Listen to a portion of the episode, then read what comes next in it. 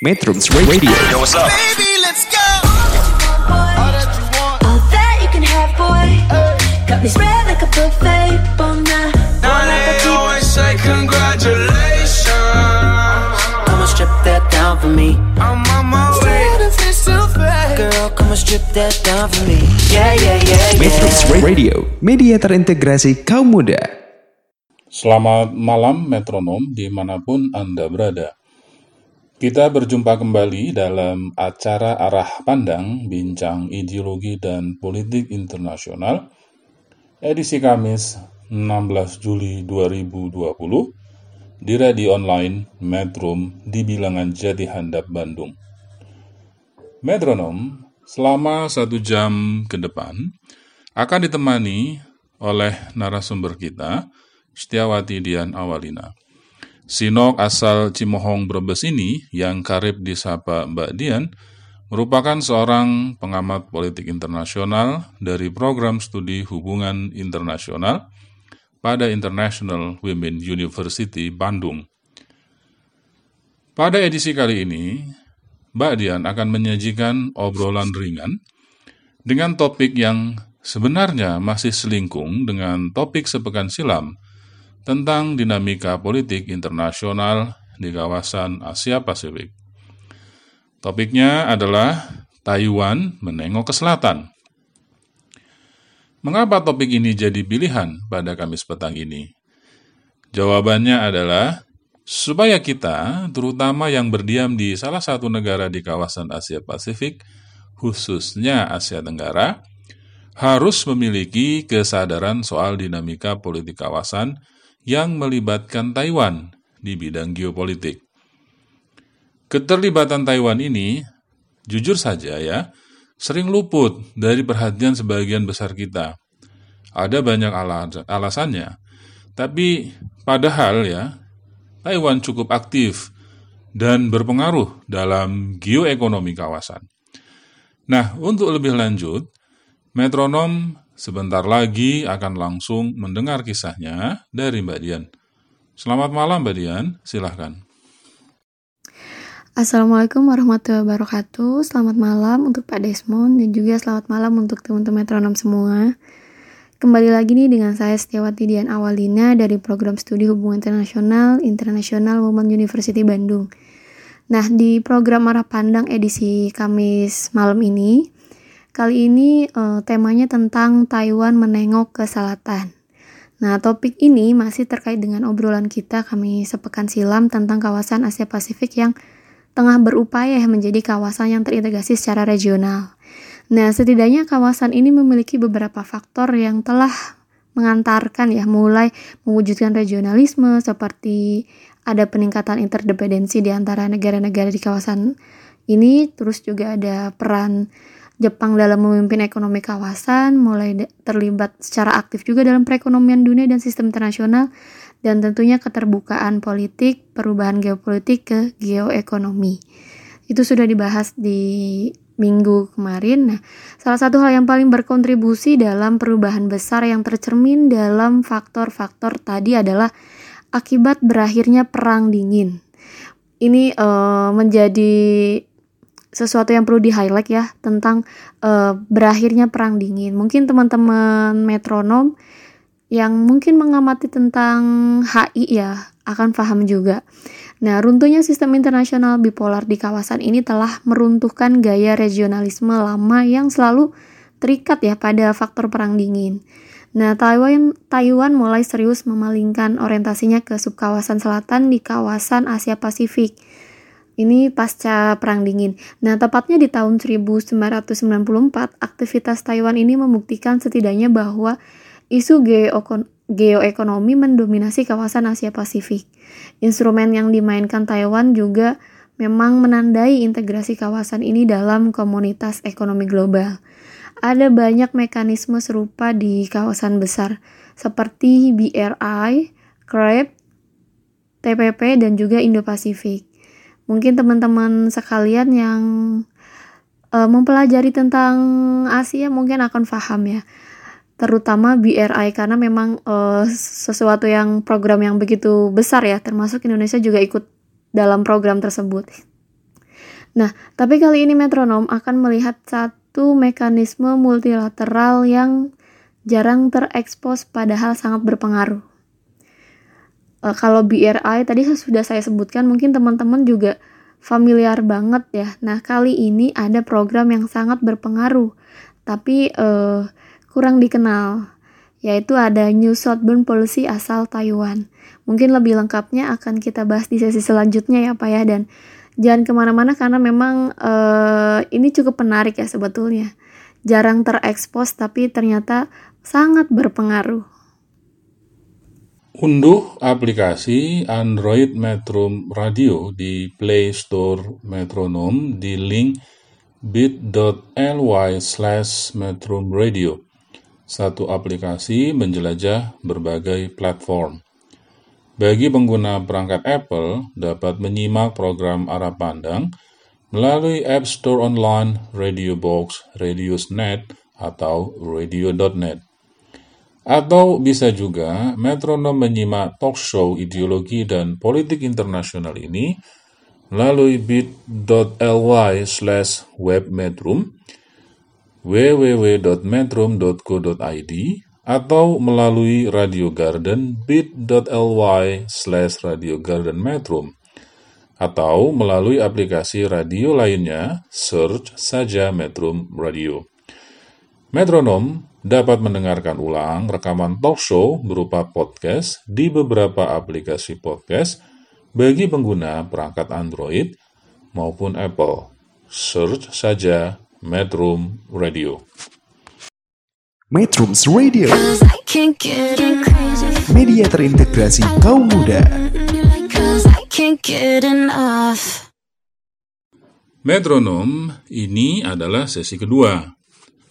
Setelah mendapat pengantar tentang New Southbound Policy tadi di sesi pendahuluan, metronom dirasa perlu mengenal lebih dekat apa itu New Southbound Policy sebagai sebuah instrumen Taiwan di kawasan Asia Tenggara. Pengenalan ini penting sebagai fondasi untuk melangkah selanjutnya mengupas New Southbound Policy lebih dalam lagi.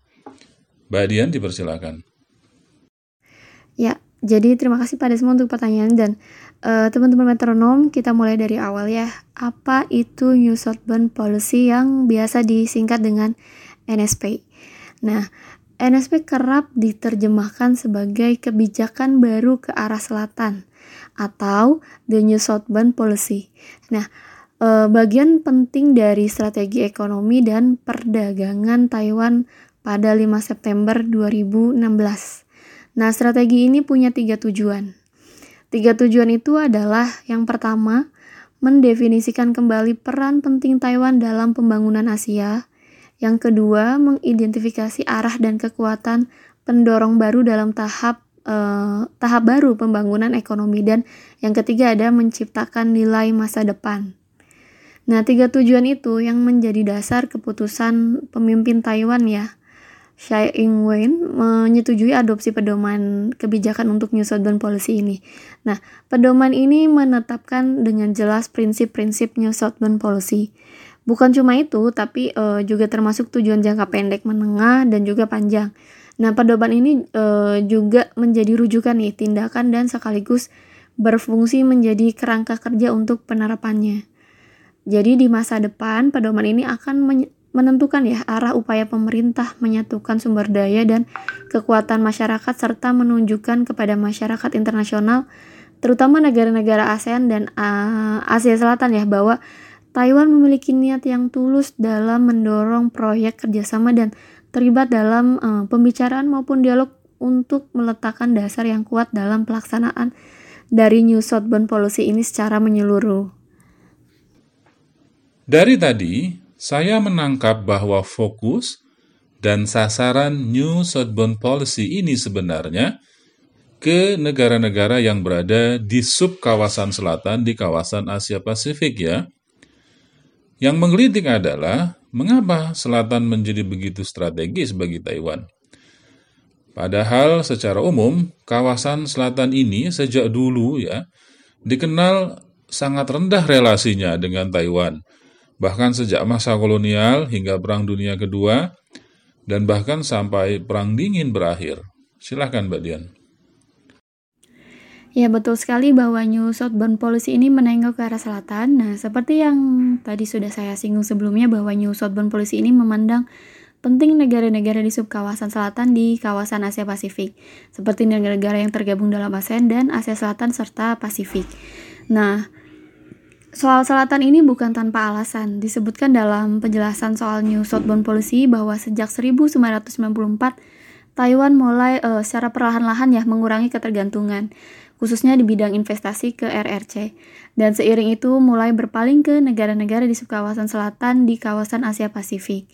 Nah, dulunya sebelum bernama New Southbound Policy, perlu teman-teman ketahui kebijakan ini uh, bernama Go South Policy. Visinya kurang lebih mirip dengan New Southbound Policy yang sekarang. Nah, Go South Policy ini dulu resmi dijalankan oleh salah satu pemimpin dari Taiwan yaitu Lee Teng-hui. Nah, kebijakan ini ya e, kawal ya selama hampir 2 tahun sejak 1994 sampai 1996. Alhasil di masa itu di kawasan ASEAN menjadi uh, tujuan foreign direct investment uh, foreign direct investment asal Taiwan. Nah, tidak tanggung-tanggung awalnya sebesar uh, 1,76 juta US dollar ya di tahun 1994 dan kemudian berkembang sampai di angka 4,98 juta US dollar. Nah, di tahun 1996 sebuah nilai akumulasi uh, foreign direct investment yang memang tidak main-main ya selama 2 tahun naik secara signifikan. Baik metronom, sesi kedua telah berakhir. Kita tanpa terasa makin jauh mengenal apa itu New Southbound Policy yang dijalankan oleh Taiwan di kawasan Asia Tenggara.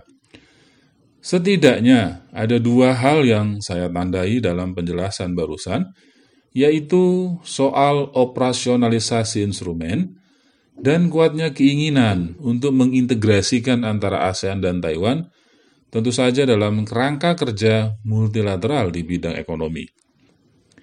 Baik metronom, jangan ke mana-mana dulu, sampai bertemu kembali di sesi ketiga bersama narasumber kita, Mbak Dian. Metrums Radio. Media terintegrasi kaum muda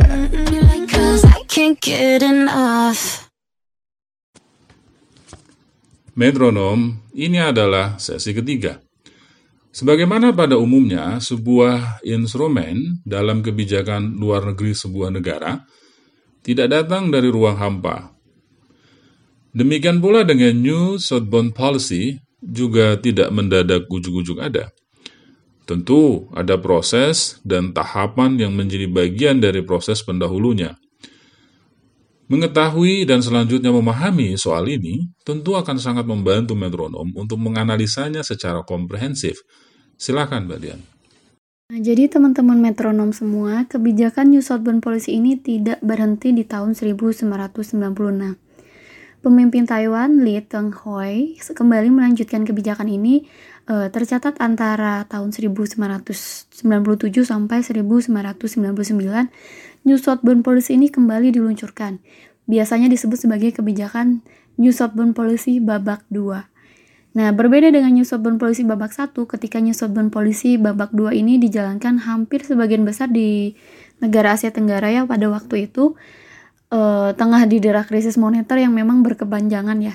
Meski dibayang-bayangi kekhawatiran akan gagalnya New Southbound Policy babak 2 ini, pemimpin Taiwan Lee Teng-hui berpandangan bahwa menurutnya justru di saat itu krisis uh, krisis itu Taiwan harus hadir sebagai mitra kerjasama di bidang ekonomi untuk ASEAN agar ASEAN dapat lolos dari jeratan krisis ekonomi yang pada saat itu mendera mendera negara-negara ASEAN.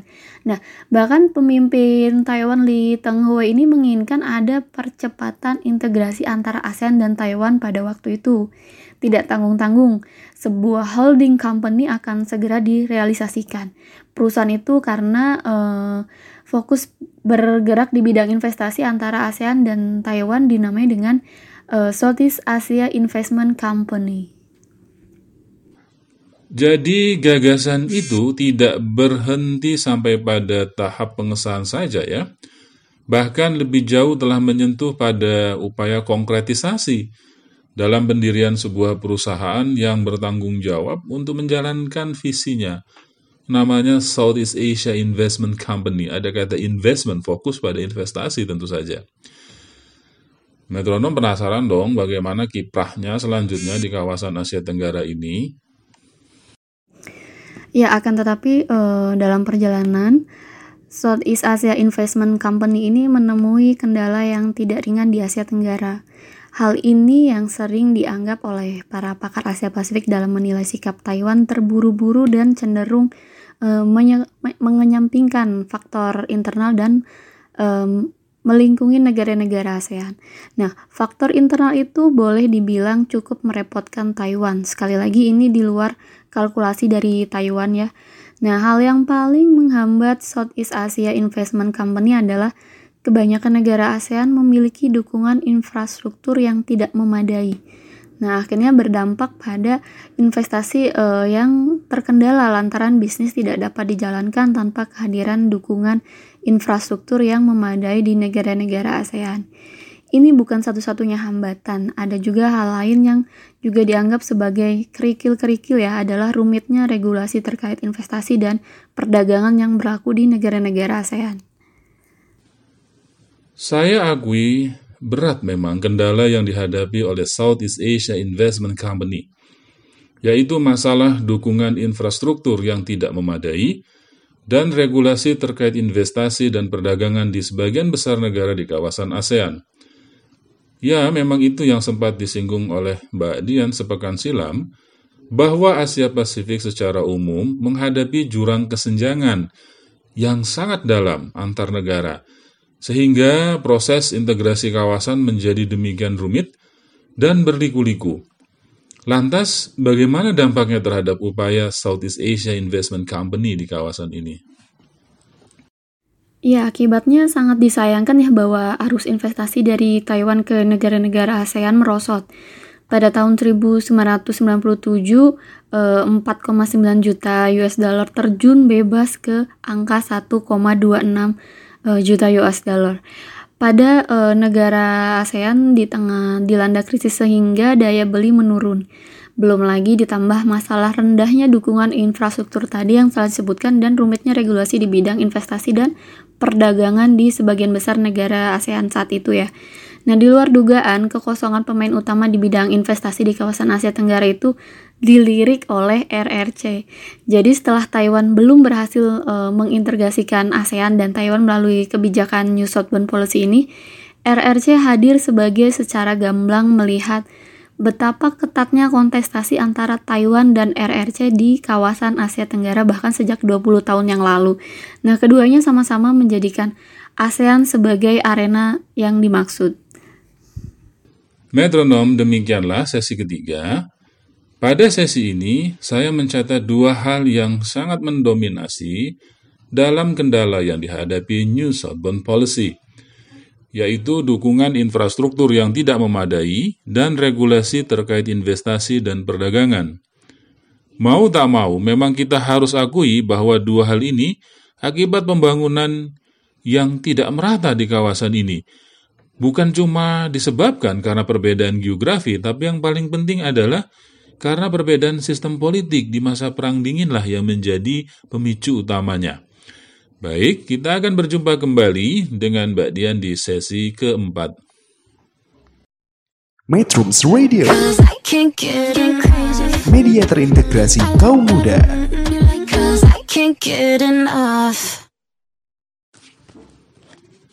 Metronom, tibalah kita di penghujung acara di sesi keempat. Mbak Dian, setelah dua hambatan tadi yang disinggung dalam sesi ketiga, Lantas, apa respon Taiwan terhadap kawasan ini? Apakah menghentikan upayanya atau memilih memodifikasinya agar seiring sejalan dengan persiapan implementasi New Southbound Policy? Ya, teman-teman metronom, seperti yang tadi saya sudah singgung bahwa kebijakan Go South Policy babak 2 yang dinakodai oleh Li Tenghui menemui hambatan yang tidak sedikit di ASEAN.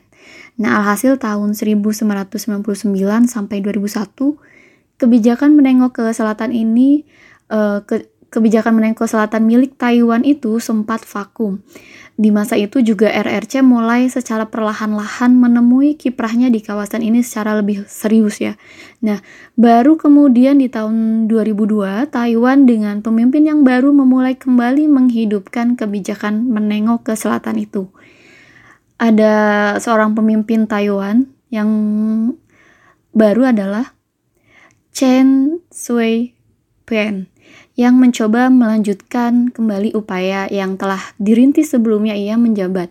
Nah, mirip dengan pendahulunya, Chen Shui-bian juga menjalankan uh, kebijakan untuk mengurangi ketergantungan investasi di RRC.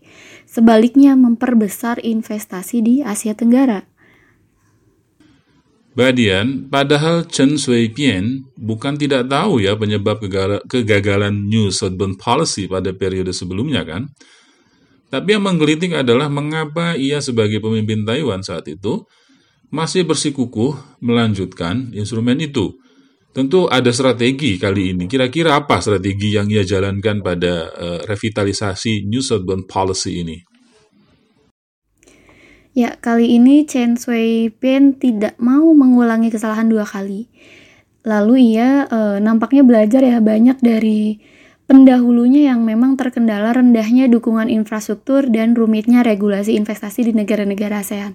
Nah, berangkat dari pengalaman yang berharga itu, Chen Shui-bian memutuskan uh, agar kebijakan South Policy ini dilengkapi dengan strategi yang jitu untuk mengatasi dua kendala utama tadi.